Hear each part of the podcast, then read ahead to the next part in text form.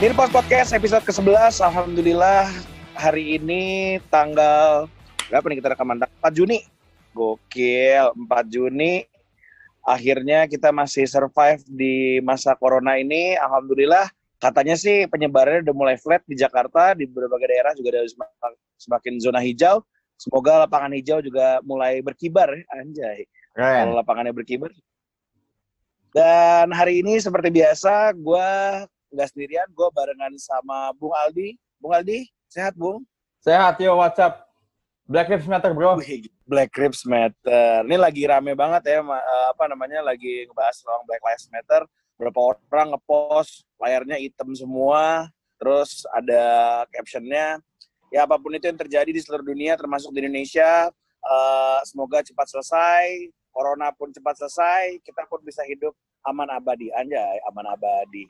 By the way, kali ini podcast hari ini podcast yang agak spesial karena kita nggak cuma berdua, kita mengundang kolaborasi dari tim podcastnya Bung Aldi yang lama, anjay. Wih. Jadi gue Wih. Wih. Yang yang mana ya? Wih. yang itu, yang yang uh, apa? Cappuccino buatanmu Mama Mia Lezatos. Yang lama vakum ya.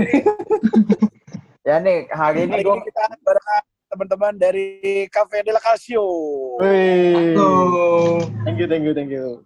Ya Di ini sini ada aku dan juga Bung Oh, siapa tuh lagi? Pak Pak Iya, Deian, Pak Deian dan Mas Danu.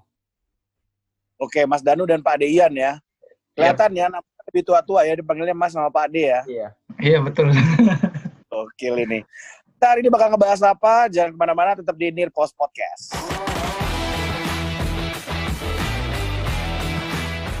Di Post Podcast episode ke-11 kita akan membahas kesebelasan yang cukup sukses di tahun 2000 dan 2001. Mungkin untuk angkatan kita ya, especially eh, mereka menorehkan prestasi menjadi juara di Italia dan mereka dijuluki duo serigala. Bukan ya? Ta- Tapi kayaknya dua, dua serigala lebih banyak prestasinya, Cam. Lebih banyak bobotnya juga ya? Itu ya bobotnya. Mungkin Betul, follow- betul, betul. fo- followernya juga lebih banyak kayaknya. Iya iya iya iya. Tapi kayaknya prestasi apa namanya berkembang karirnya sama ya. Situ-situ aja ujung-ujungnya. Iya, ujungnya Tapi dua serigala dia olahraganya basket ya, bukan bola. kan kan kan kan Enggak dribble Kan juga ada. Iya iya iya iya. Dan kali ini kita akan membahas yes itu adalah AS Roma. AS Roma adalah tim yang sukses eh, meraih Scudetto di 2000 dan 2001 hingga saat Eh, ini dia 2000 masih- sekali Iya benar doang 2001.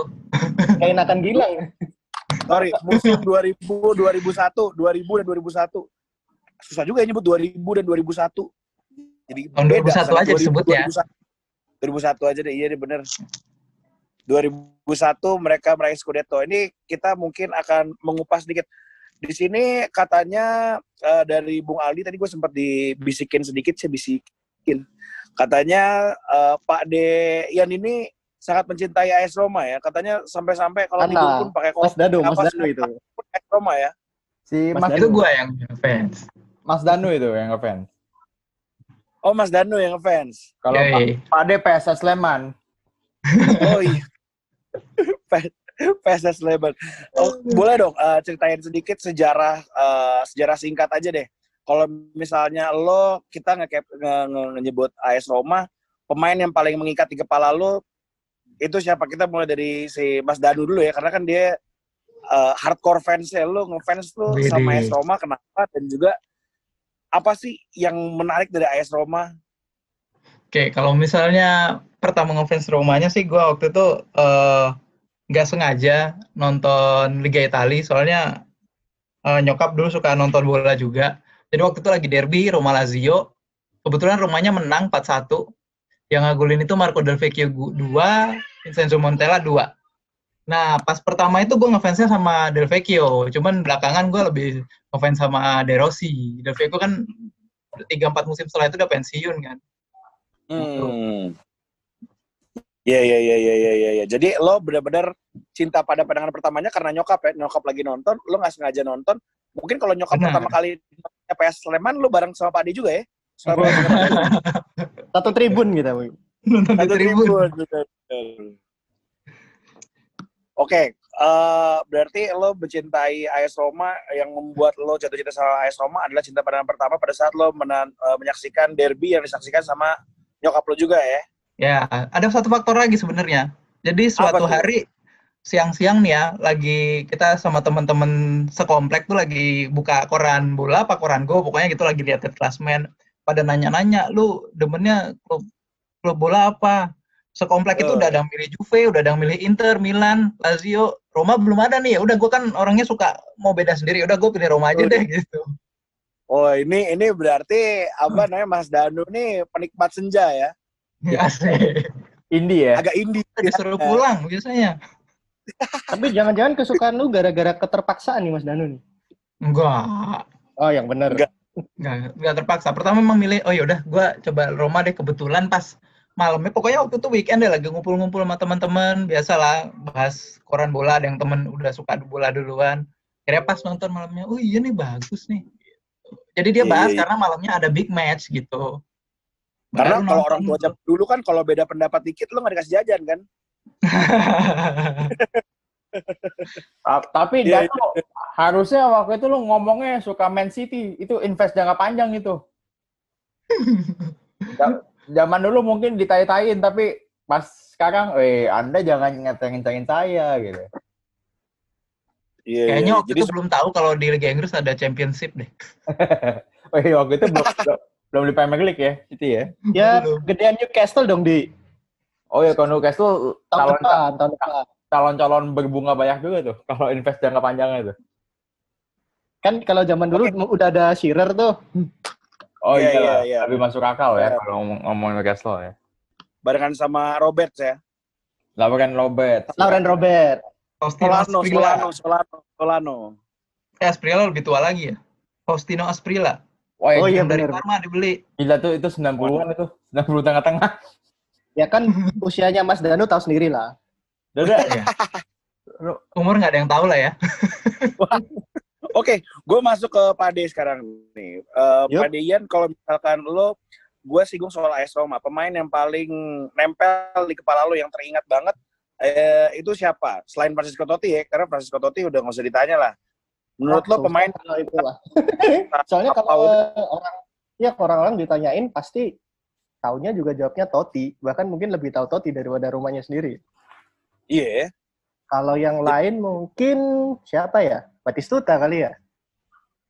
Soalnya waktu itu Batistuta. kan ya mecahin kalau nggak salah dia mecahin rekor transfer waktu Pemain tertua, dari kan? Fiorentina. Fiorentina ke Roma. Ya mungkin pemain tertua termahal ya kalau nggak salah ya.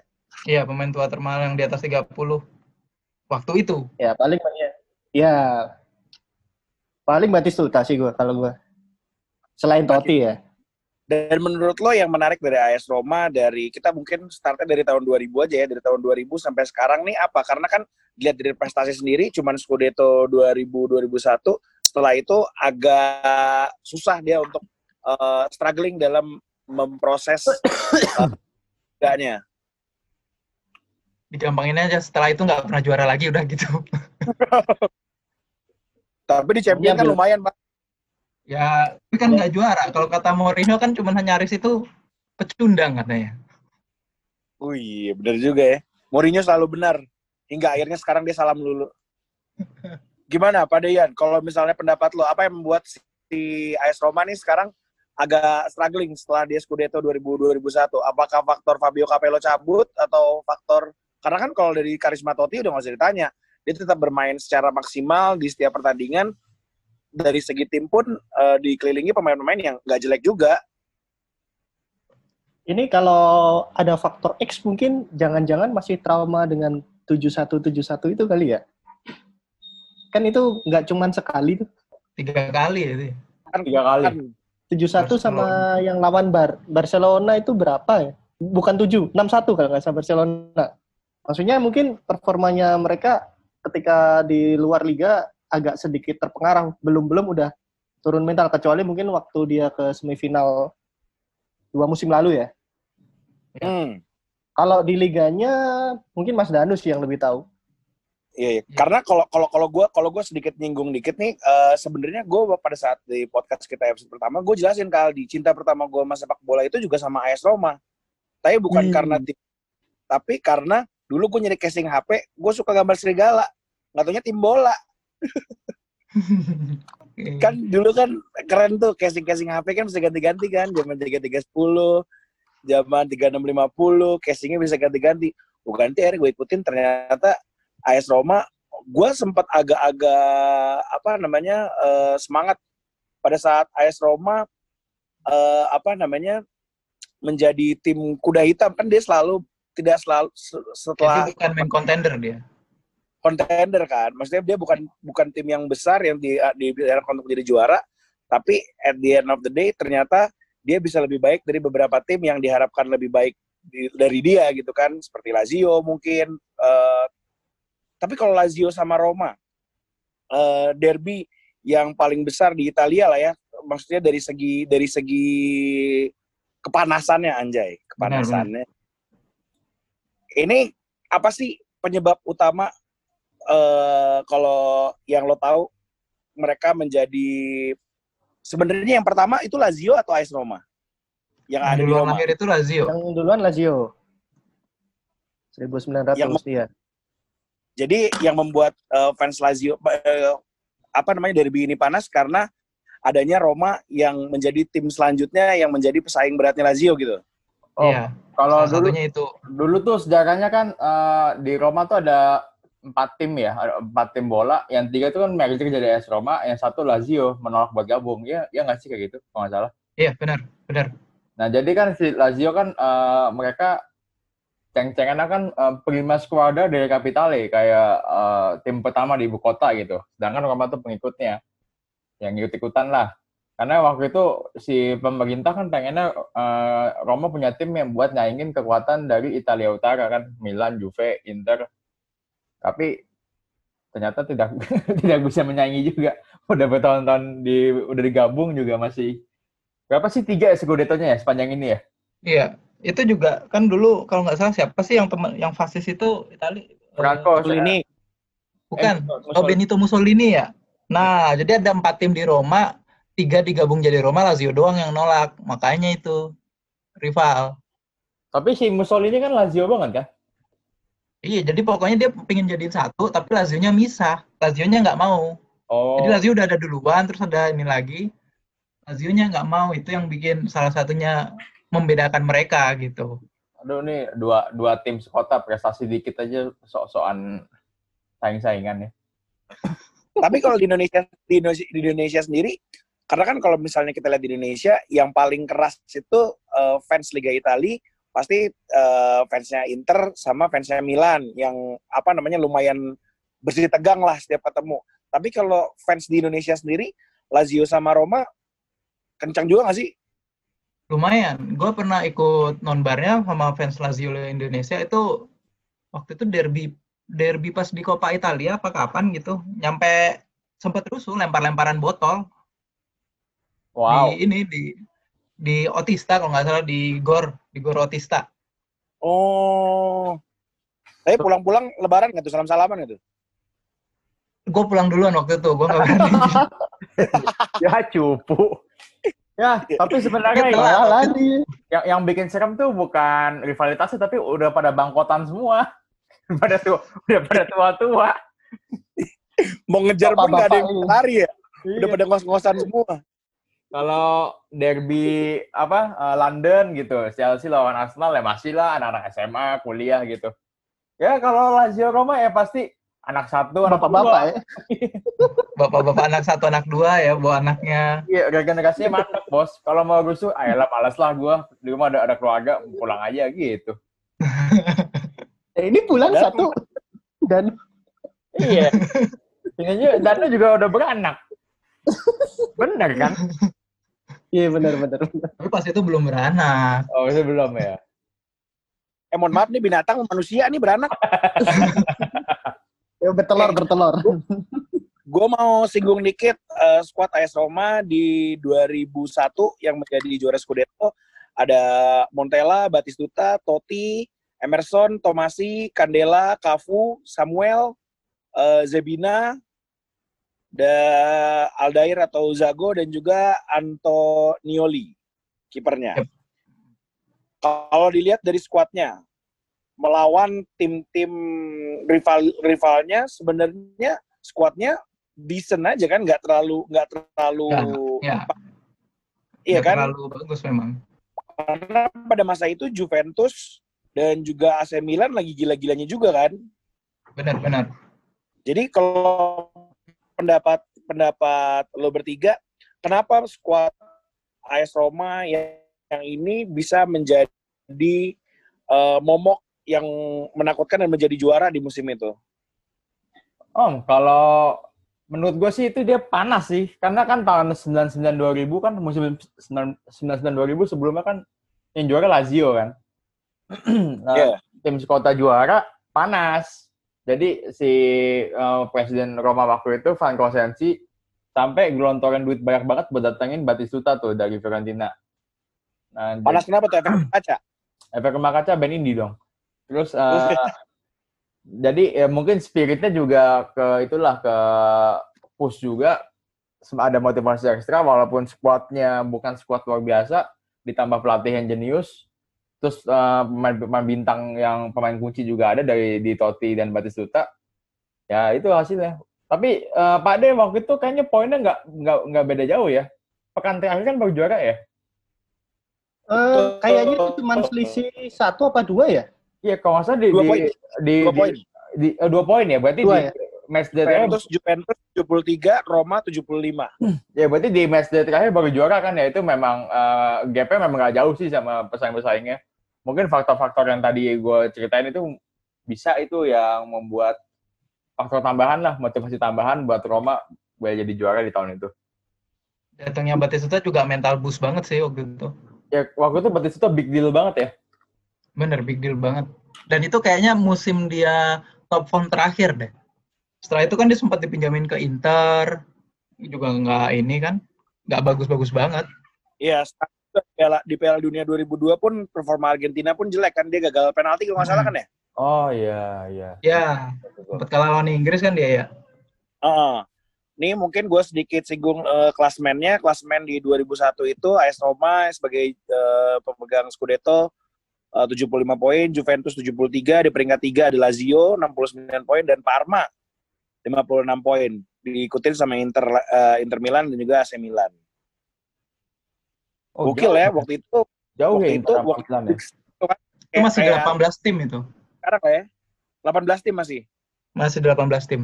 Berarti apa namanya eh, AS Roma di sini menurut lo kunci kesuksesannya adalah pada saat signing Batistuta menjadi mental boost bagi semua pemain ya. yes Iya. Tahu sendiri lah Batistuta zamannya zaman segitu kayaknya nomor 9 terbaik deh di dunia dia. Anjay, Batigol, Batigol. Benar, Batigol. Tapi kalau gue boleh pendapat, kalau menurut Hmm? lu pada andaikan coachnya bukan Capello, kira-kira masih bisa juara nggak sih? siapa Nah, dulu soalnya- ngaruh kayaknya. siapa dulu Capello- coach sempet- coachnya siapa dulu Komen Capello kalau coach Justin bisa Beni dulu, juara. Beni dulu kan tuh Capello, Beni dulu, coach Justin bisa juara Coach Justin ya. Timnas futsal ya. Hehehe. mainnya power play Asik. Tapi kalau dibilang dibilang Batistuta sebagai mental boost eh, dan performanya baik pun eh, dari segi produktivitas Hernan Crespo di Lazio waktu itu 26 gol. Nah, ya. Dan 24 gol. Habis itu eh, Chiesa 22 gol, baru Batistuta 20 gol. Jadi benar-benar mungkin eh, dari segi mental pemain ya, benar-benar menjadi mental boost karena eh, Totti dan Montella pun masuk ke barisan eh, pencetak gol terbanyak dengan 13 gol. Totti sama Montella golnya 13 juga. Mm-mm. Ini kali ya yang membuat mereka laku dan jadi banyak main iklan ya. secara tim memang solid sih Roma ya. Di luar Batistutanya secara tim solid gara-gara itu juga. Capello-nya sih bagus kan. Terus apalagi Emerson tuh juga sama Samuel yang pas di Bokanya itu dia dipanggilnya dulu The Walls apa-apa gitu. Makanya desain kan. Jadi salah satu faktor kunci selain Batistuta Samuel sama Emerson ya Emersonnya beberapa pertandingan pertama kan dia nggak langsung main itu cedera dulu. Kalau Kafu, Kafu, Kafu kan Wah itu nggak ada obat itu. appoint- Kafu di appoint sebagai apa eh, kapten timnas Brazil juga kan. Iya benar. Jadi benar-benar secara tidak sengaja semuanya membantu. Kalau sekarang kita bahas eh, perkembangan AS Roma setelah Scudetto 2001 masuk ke American Era. Di American Era ini mensign pemain-pemain yang luar biasa yang membuat Roma juga lumayan ditakutin ya. Ada pendapat lo soal American Era ini? Ah, ini ini Danu Us. banyak nih. Gue sebenarnya salah Ini satu panjang nih kayaknya nih curhat nih. salah satu fan enggak, gue bikin singkat. Gue salah satu fan yang termasuk mengutuk American Era sih. Meskipun awal-awalnya gue optimis nih, wah bagus nih waktu musim pertama dibeli sama orang Amerika kan, belinya jos jos-josan banget kayak Fernando Gago, siapa lagi tuh? Eric Lamela kayak gitu. Bojan, Gabriel Bojan. Higuain, Bojan, kan ini banget. Cuman ternyata malah meng-hire manajernya Luis Enrique buat ke Barcelona, Barcelonaan. Ternyata fail kan, gagal. Yang gua lucu banyak yang muji coba di jurnalis. Gue curiga tuh muji sebenarnya biar Roma kayak gitu terus biar kalah. gitu. Enrique di Barcelona juara Mas Danu. Eh, eh. Jangan salahkan Luis Enrique. Eh, Enrique Berarti juga di Barcelona bisa juara. Enrique treble, treble winner loh.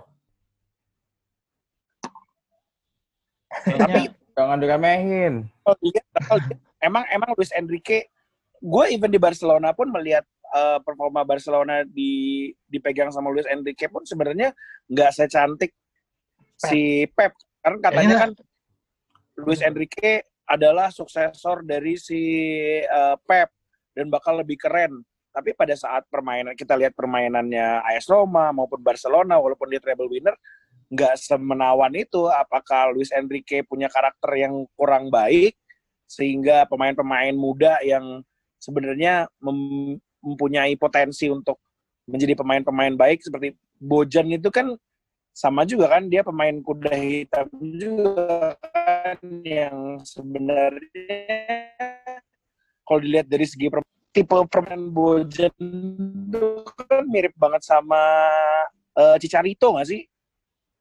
Oh, kayaknya dia agak lebih lengkap dikit deh. Kalau Cikari itu kan pocher, finisher, mirip Inzaghi.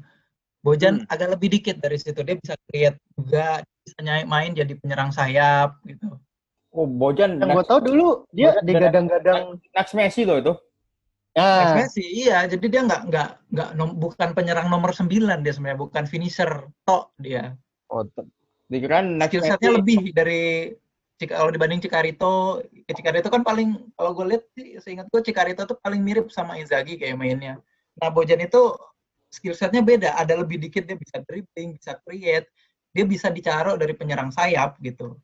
Iya, Masalahnya kan kalau kirain Bojan next sendiri kan katanya Nexian katanya. game game lama dong. Anang Asanti dong. Kalau Ibu Jan sendiri kan sebenarnya hantunya dia sendiri juga kan selain Messi eh, yang mirip banget permainan sama dia Giovanni Dos Santos kan. Oh, satu angkatan.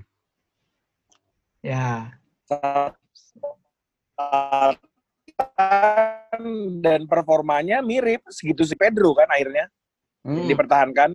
Pedro malah lebih baik kan jadinya ya. Iya. Nah, maka dari itu sebenarnya menurut lo kendala utamanya setelah American Era ini masuk apa sih yang membuat eh, AS Roma nih padahal kan dari pelatih udah oke, pemain udah oke. Kenapa bisa kayak gitu? Nih kalau balik lagi nih, pertama kan Luis Enrique, Luis Enrique sebenarnya Luis Enrique ini nggak salah. Salahnya itu adalah dia memaksakan tiki taka di tim yang kulturnya bukan gitu. Mainnya kan Barcelona emang udah dari dari level junior mainnya udah begitu. Jadi Luis Enrique-nya memaksakan begitu, jadinya makanya nggak terlalu bagus. Nah, kemudian kan pelatihnya gantinya tuh Rudi Garcia, sempat bagus tuh yang waktu sempat menang 10 pertandingan berturut-turut. Nah, itu sebenarnya timnya Rudi Garcia yang itu tuh bisa jadi Hmm. base yang bagus. Namun sayangnya ya semua orang tahu lah Roma itu kayak supermarket. Jadi setelah itu ya udah dipretelin lagi, diulang lagi, udah. Kalau kayak gitu nggak bakal maju mau kayak gimana pun nggak bakal pernah juara kalau kayak cara manage timnya seperti itu menurut gua. Eh, Padahal kemarin yang paling baru gue sempat tertarik pada saat AS Roma-nya bagus jarang hilang gitu aja. Ya. Ya karena itu dipretelin. Jadi ketika punya pemain yang bagus di musim ini dan ada yang klub nawar gitu kayak ngiler gitu loh buat ah iya nih kasih kasih aja kasih. Cam, Cam, sorry Cam. 10, 10 menit Cam. Nggak apa, lanjut aja dulu di. Ya udah. Ntar lima menit terakhir kita tinggal stop. Tanki. Kita lanjut lagi. Berarti eh, American Era lo lo nggak support ya? Wah, si Bukan nggak support sih. Capek aja sebenarnya. Banyak keluhan ya. Encok, pegel Udah jelas udah jelas eh, dua tiga musim gagal dengan format seperti itu masih dicoba lagi gitu. Ini ini Karena yang targetnya bukan juara Mas Danu. Target dia profit. Nah, itu yang punya itu kan bisnismen soalnya. Nah, itu selalu i- menjadi kendala tim-tim yang apa namanya pengen instan gitu ya kayaknya ya. Kayak beberapa tim besar pun kendalanya kayak gitu kan. Pemain bagus dikit dijual. Pemain bagus dikit dijual. Kalau misalnya dibeli Abrahamovic yang ambisinya lumayan gede dan cinta sepak bola mungkin oke juga kali AS Roma ya akhirnya dengan support yang luar biasa. Ya bisa jadi. jadi AS Roma sekarang nongkrongnya bareng AC Milan dong fansnya. Oh, fansnya Milan masih sombong ya. Masih sombong dia. We are so rich. karena lemarinya penuh ya Iya, dikit-dikit ngomong tuh. Nah, itu bedanya. Setuju. Jadi fans AC Milan, kalau ngeliat fans AC Milan sama kayak fans MU dong. Ah, itu iya benar, masuk. Nah, itu mirip. itu. Akan selalu menyinggung sejarah. Sama-sama merah lagi. Sampai akhirnya hari ini deg-degan ya, karena Liverpool ternyata punya punya kesempatan buat bisa jadi juara lagi ya. Liverpool. Eh, abis ini kita akan balik lagi membahas soal performa AS Roma yang sempat dibilang di eh, Piala Liga Champion dan juga pemain-pemain legenda AS Roma bersama teman-teman dari Cafe Della Calcio dan juga Bung Aldi. Jangan ke mana-mana, tetap di Near Post Podcast. Kembali lagi di Near Post Podcast barengan sama teman-teman dari Cafe Della Calcio. Mantap. Kita masih membahas soal AS Roma. Tadi kita sudah membahas sedikit masa kejayaannya di 2001 menjuarai Scudetto dan membahas beberapa pemain yang sudah lumayan sukses seperti pemain legendanya yaitu ada Francisco Totti dan juga Gabriel Batistuta. Oke, gue pengen menyinggung sedikit tim yang cukup sukses pada masa itu yaitu eh, AS Roma di musim 2008. Gue ingat Mirko Vucinic secara mengejutkan mengobok-ngobok beberapa tim yang ada di eh, UEFA Champions League. Dia menjadi tim yang lumayan mengagetkan pada saat itu. Squadnya pun eh, lumayan oke menurut gua ada Marco Del Sandro. Anjir, gue ingat Marco Del Sandro tuh zamannya di Real Zaragoza dah. Oh iya. Terus. Bukan tahu, beda. Itu ya itu yang Andres, Andres. tuh, yang di Zaragoza. Andres Alessandro itu. Tuh nggak ada Wikipedia gua berjalan. ada ada ada eh, Alberto Aquilani, eh, David Pizarro, ada juga uh, Mirko Vucinic, Julio Baptista. Stella masih ada, kap- kaptennya masih Francisco Totti. Dan vice kaptennya waktu itu Christian Panucci. Kipernya eh, waktu itu juga lumayan oke-oke. Ada Arthur, Julio Sergio, dan juga Doni. And then backnya pun eh, waktu itu ada Cicinho, ada Juan, Philip Maxes, John Analise pun sempat ke sana. Gimana pendapat lo musim 2009, Bung Danu, apakah sempat menaruh harapan kepada tim AS Roma? Oh, gimana ya? Itu kalau nggak salah prestasinya dimulai dengan kalah di Supercoppa lawan Inter. Padahal Hmm. sebelumnya di final Coppa Italia Roma kan juaranya. Terus di musim Oh, itu di iya. Coppa Italianya malah tersingkir di quarter final. Eh, di Liga Champions sih pertama menjanjikan sebelum sebelum ganti tahun menjanjikan dia juara grup. Cuman akhirnya di babak 16 besar kalah adu penalti lawan Arsenal. Iya. Itu yang Casano golnya aneh itu loh. Itu yang lawan Chelsea ya, yang di grupnya ya? Aduh, jadi kayak Ya kalau nggak salah yang Fucini keren banget itu kan. Oh, yang dribble setengah, setengah lapangan ya? Oh ya, kalau nggak salah yang itu. Itu Spalletti satu berarti kan? Dia dipecatnya tuh tahun 2000 berapa sih Spalletti? Spalletti itu Musim, musim depannya ya? Dipecat ya? musim depannya, Oh, musim depannya. padahal waktu itu kerang- kerangka squad sih udah Spalletti- bagus ya. Ya, Iya, bagus. gue pernah bener kendala, kendala Luciano Spalletti ini apa sih sebenarnya? Karena kan kalau dilihat tim yang dipegang sama dia sebenarnya beberapa tim setelahnya pun setelah AS Roma pun dia lumayan sukses megang, tapi umurnya nggak pernah panjang. Apa sih kendala Luciano Spalletti ini? Dia paling sering tuh kelar ngelatih itu karena ada cekcok sama pemainnya sendiri. Dia kayaknya main manajemennya agak kurang deh. Atau egonya ketinggian apa gimana? Pasti gara-gara berantem yang terakhir, yang eranya Amerika dia terakhir kan berantem sama Totti. Pas terakhir di Roma juga sempat selek sama De Rossi dan Totti juga sebelum keluar. Nggak cuma di Roma, pas dia yang lumayan sukses di Zenit sampai dua kali juara Liga Rusia, itu juga keluarnya gara-gara selek sama pemainnya sendiri. Tapi Spalletti nggak di Inter nggak di Roma pasti Januari Februari chaos ya. Ya, Awal musim gas. Satu pemain pemain yang ribut sama pelatih dari AS Roma pindah ke Torino. Akhirnya Siapa ya? Yang pindah ke- tuh? gue lupa deh dia dari Ceko apa ya? Eh bukan dari Ceko, dari Slovakia atau Slovenia gitu. Gue lupa. Oh, Adam Yajic. Ada Mjakic. Oh, Iya benar. Emang dia ribut sama Garcia? Garcia? Bukan dia kan sempat ribut sama pelatih gara-gara digantiin itu kan? Oh dia Oh, ribut, dia ributnya sempat di, ribut gara-gara masalah ini bukan sih? enggak dia ribut, Masalah negaranya. enggak dia ributnya di Fiorentina, bukan di Roma, yang pukul-pukulan. Iya, sama Mia Jalovic ya, kalau nggak salah ya. Bukan, bukan. Eh Delio, Kan, Delio, Delio Delio Rossi, Rossi. Delio Rossi. Oh iya iya. ditampol kan dia? Sama Pukul-pukulan. Pukul-pukulan. Dia yang ditampol kayaknya.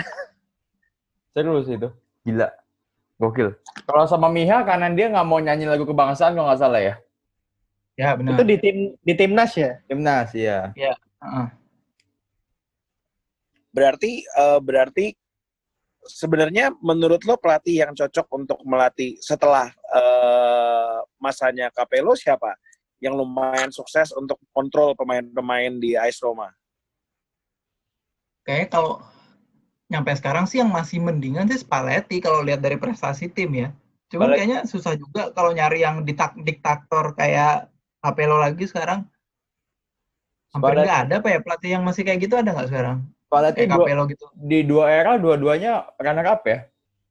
Iya, Ya, poin tertinggi lagi kan? Iya lumayan banget. Itu yang pas dia kalah sama Juventus tuh sebenarnya poinnya udah poin juara liga ya. Tapi Ya, harusnya poin juara juga. Juve-nya si Ake aja waktu itu tuh kalau banyak poinnya. Ya tapi kalau Berarti kalau ditarik dari zaman Capello sih kayaknya memang Spalletti ya. Itu yang pas di zaman masuk masuk semifinal juga Eusebio mah nggak bagus jadi pelatih di Francesco. Benar-benar. Apa pas lagi pas aja momennya ada Eusebio de Francesco. Iya, bukan dia sebagai pelatih juga belum terbukti pelatih yang bagus gitu.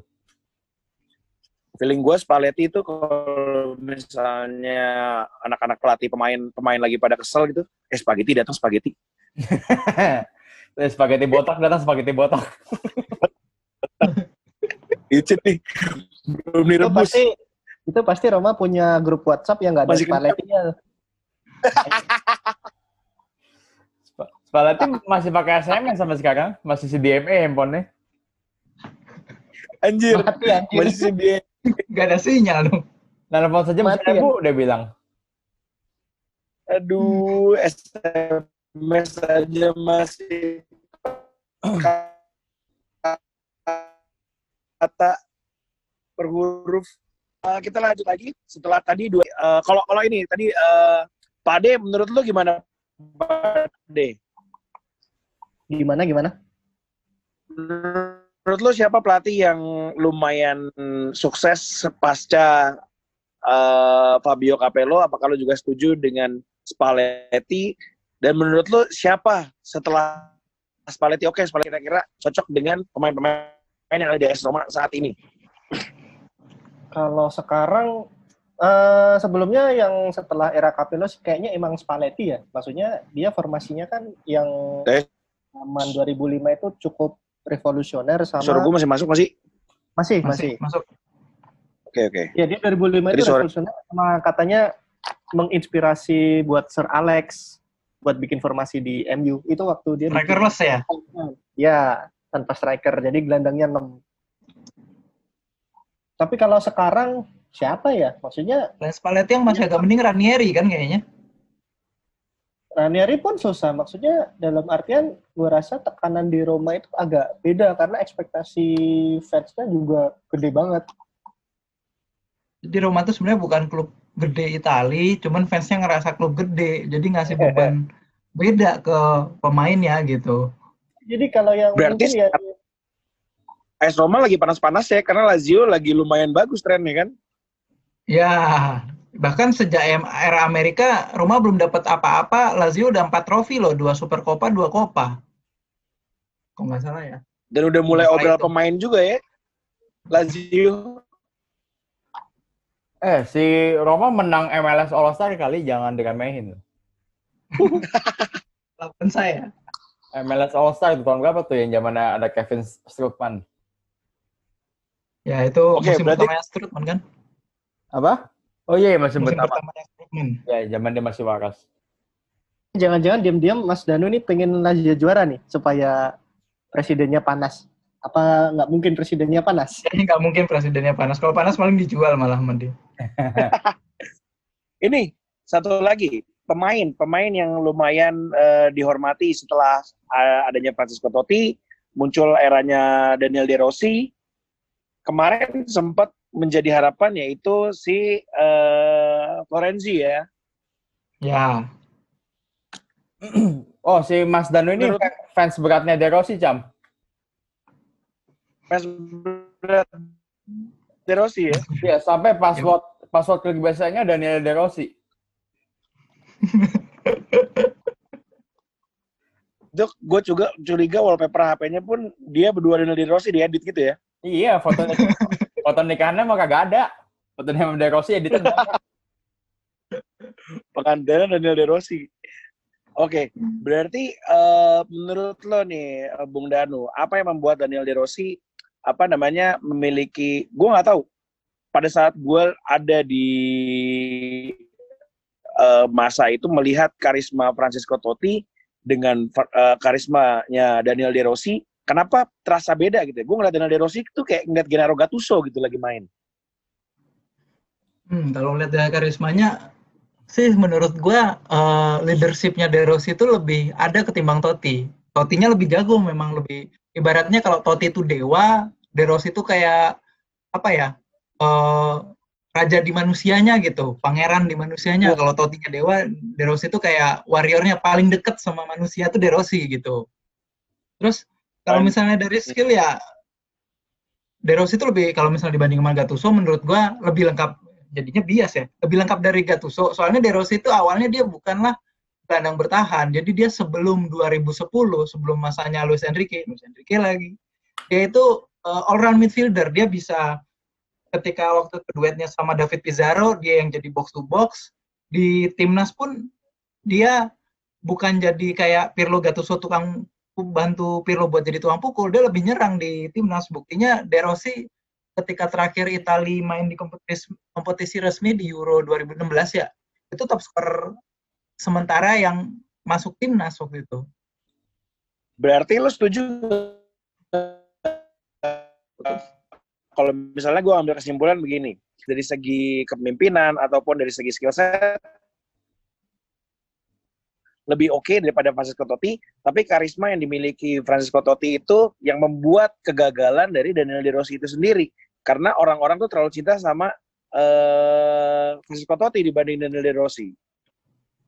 Ini, kalau skill set, Totti itu nggak ada bandingannya deh. Seenggaknya se semua pemain yang pernah main di Roma. Cuman untuk kepemimpinan, bahkan uh, kipernya Juve, si siapa, Sesnis tuh sampai bilang sendiri, leader sebenarnya De Rossi. Totti itu kayak kayak apa ya kayak jokernya gitu. Jadi udah nggak kesentuh tuh kayak kartu utamanya gitu. Jadi kalau misalnya lihat siapa yang mimpin di locker room itu katanya Sesni sih Derosi dan itu nggak cuma Sesni doang kok yang ngomong. Ya kalau oh, ibarat ibaratnya kalau ibarat orang lihat Zidane. Halo halo. Yep.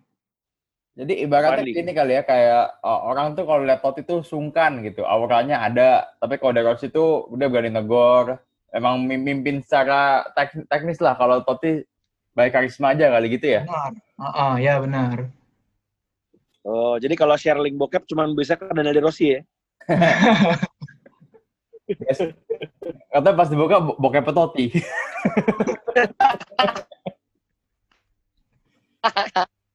Kena masalah deh.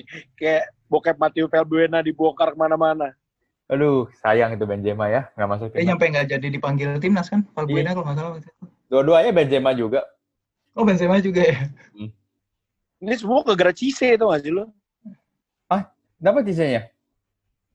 Cise kan ikutan juga tuh. Dalam game itu. Aduh, gue itu kenapa ya? Udah pensiun tapi tetap ikut-ikutan. Eh gue pengen membahas sedikit eh pemain lagi keempat menjadi momok akan menjadi pemain yang sukses di AS Roma yaitu Muhammad Salah, Alisson dan juga Miralem Pjanic. Mereka sukses di AS Roma tapi kenapa akhirnya mereka dilepas? Apakah faktor dari pemain itu sendiri yang ingin mendapatkan juara atau malah dari AS Roma sendiri yang tidak memiliki keinginan untuk mempertahankan mereka? Hmm, itu sebenarnya gak rumit sih sebenarnya. Kalau yang Pjanic katanya eh, manajemen Roma janji buat memperkuat skuadnya Roma biar bisa saingan. Ternyata malah tetap jualan. Kesel dia. Begitu ada Juve nawar, udah yain aja gitu.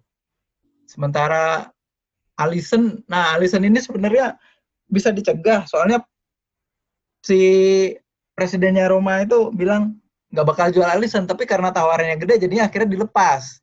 Kalau salah memang dia pingin juara sih kayaknya. tapi dia yang yang nggak ada konfliknya salah doang ya. Iya, yang nggak ada konflik salah doang. Pure profesional kalau tapi dari Padahal namanya salah ya. Pasti Iya. punya konflik ya. ya salah malah nggak salah ya. Hebat juga. Iya. Tapi da- da- dari semua yang dijual Roma tuh banyak kan ngaku memang sebenarnya nggak mau pindah ya. Banyak kan Iya. dipaksa pindah atau emang ada masalah. Tapi secara hati sebenarnya tetap pengen di Roma ya. Benar-benar. Anjir, gue ngedenger kata-kata itu kayak ngedenger gue sebagai fans Arsenal tuh merasa kayaknya tuh apa yang dirasain sama fans AS Roma tuh persis banget gitu sama fans Arsenal. Aduh, Main A- bagus dikit di Al. Arsenal Nggak punya mau zaman kuat. Wow. zaman zaman 2010 ya tuh ya. Nasri, Iya. Fabregas, Van Persie. Gokil sih. Wah, Fabregas tuh idola itu. Tap- Beda. Kalau misalnya pemain Roma semua masih pengen di Roma. Kalau di Arsenal, Fabregas mau cabut, Nasri mau cabut. Ya be- beda-beda ya beda-beda tipis lah, tapi intinya sama-sama cabut juga ujung-ujungnya. Kebanyakan Eh, lumayan lah. AS Roma Gervinho dari Arsenal. Oh, Gervino ya, Gervino. Yo, Ya, tapi gimana kita lihat supaya anak zamanku tuh. tapi Gervino Gervino di Roma ngegas ya sempet ya. Ngegas dia. Sampai musim Orang dia juga ngegas kok sebelum ini. Sesni Sebelum juga dia- dari dari Arsenal kan waktu itu Sesni pas ke Roma Iya, langsung kan. bener. Wah, banyak. Langsung. Sesni sembuhnya juga di Arsenal kan, di Roma kan? Iya, abis sembuh ke Juventus.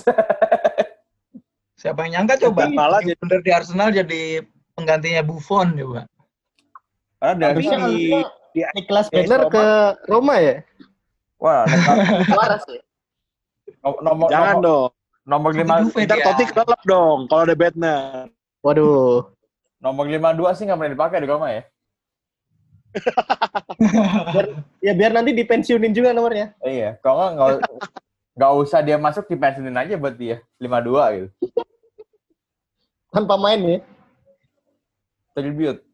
Ada nggak beberapa pemain yang lo lo perlu lo perlu sebutin sebagai legenda dari AS Roma Eh dari tahun 2000 sampai sekarang menurut lo pemain yang benar-benar menjadi pemain legenda yang dapat disebut sebagai legenda di AS Roma nih siapa aja nih tiga-tiga kali ya masing-masing ya menurut lo ya So, Tiga yang paling berkesan ya. Bung Danu ter- Bung Danu terakhir lah Oke. lu Pak kan De- udah tahu semuanya Pak kalau Pak Pak De dulu Pak De Pak dulu nih. diem diem aja nih diem diem baik Pak De nih Diem aja Bentar, tidur. Gua, gua, inget-inget dulu. Kalau Ingatan udah mulai melemah nih.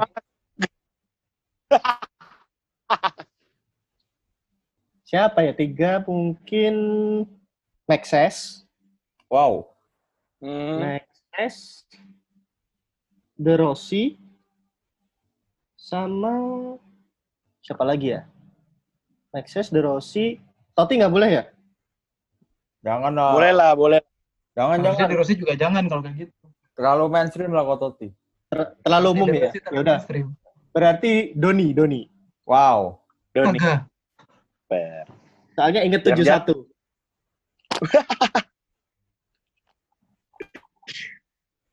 kalau Bung Aldi Nah, kalau gua eh, selain Akam si Roma ya, selain Florenzi, De Rossi sama Totti, eh, Pjanic itu menurut gua tuh salah satu pemain terbaik Roma di era 2010-an.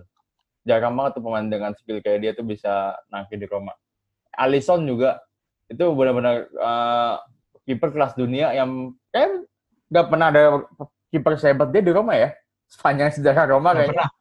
Nggak pernah. nggak pernah ada kiper sehebat dia satu lagi mungkin Edin Dzeko lah Ya, konsisten lah dia udah empat musim di Roma eh empat lima musim di Roma dan selalu jadi tumpuan tumpuan serangan oke. Nah Danu. ya? Danu doang terakhir. Wah, Danu silakan Oke, selain selain preman lokalnya ya, ya. gue setuju sama Bung Aldi tadi si Pjanic. Itu gue nggak nyangka pas pertama Pjanic pindah ke Roma kok mau gitu loh. Kayaknya pas dia tuh lagi bagus-bagusnya di Lion eh, lawan Madrid di musim Liga Champions sebelumnya dia jadi man of the match-nya yang nyingkirin Madrid dia muridnya Juninho meskipun cuman se setim satu musim doang itu. Terus ya skill Iya, iya, setnya udah paling bagus sih sebenarnya pianis tuh. Benar, termasuk di era Amerika termasuk yang paling lama di Roma kan? Gue juga ngelihatnya emang dari skill set dari segi uh, speciality-nya pun mirip banget sama Juninho ya. Ya. Terus Eh. kemudian eh Danu. Oh. Liong Lion mah plastik Lyon ya plastik ember Lion oh iya ya aduh. Lah gayung. Ember. Ketahuan banget lo dagang panci.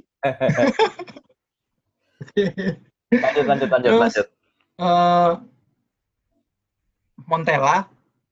Oh bahkan menurut gue Montella lebih baik dari Zeko. Uh. Boleh boleh. Montella lebih baik dari Zeko gue dari skill setnya. Cuman dia cedera mungkin ya Zeko yang di Roma ya bukan Zeko di Wolfsburg atau di City kayaknya sama lah. Terus Iya, iya. dia Montella tuh ada di era yang agak apes. Di timnas ada Fieri Inzaghi yang lagi bagus-bagusnya. Di Roma pun pas pertama Batista datang dia sempat jadi pilihan nomor dua kan. Dia kalah saing sama Del Vecchio. Soalnya si Capello nggak mau pakai dua striker yang hampir mirip sama-sama goal getter padahal Montella tuh lengkap skill setnya baru pas udah pertengahan musim ke belakang baru lebih sering main dia duet sama Batistuta. Kemudian pemain terakhir kayaknya Perota. Perota apa Pizarro ya? Oh, antara dua itu deh. oh, Perota itu dari Perota itu satu dari tiga pemain yang di Inggris dibikinin patungnya.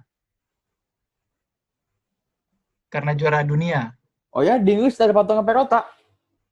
Iya, Wih, keren banget. di Inggris. Dia kan lahirnya di Leiston Aston apa gitu nama Iya, iya, tempat iya. lahirnya Perota.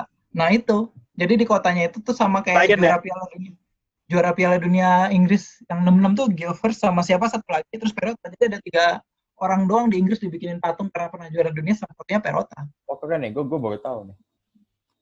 Gitu. Fun fact, fun fact.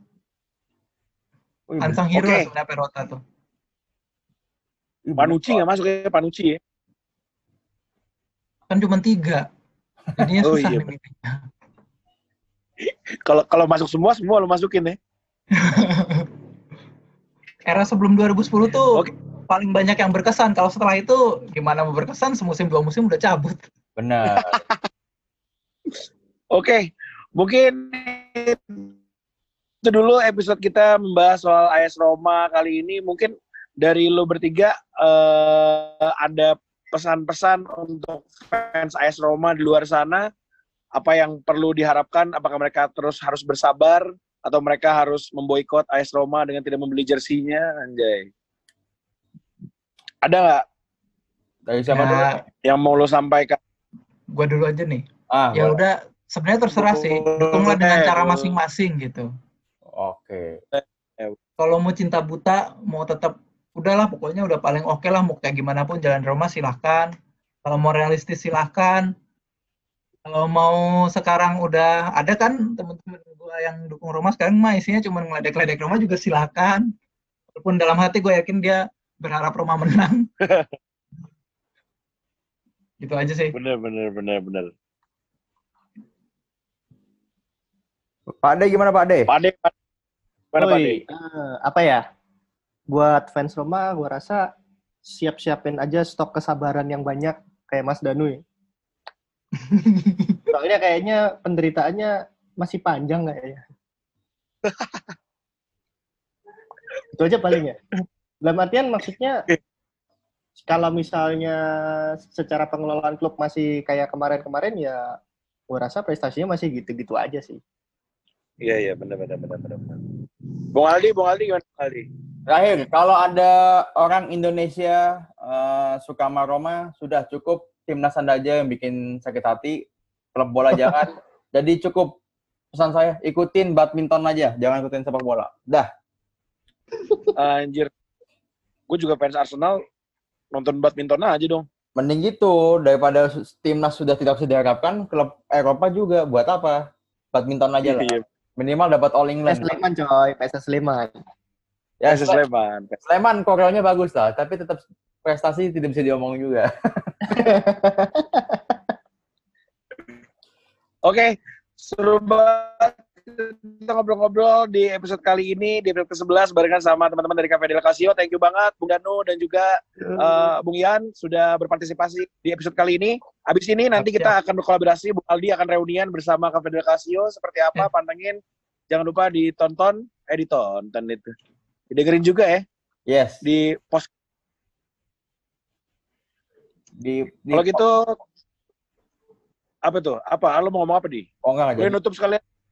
Oke, yaudah. Kalau gitu, eh peace, love, and gaul. Bye.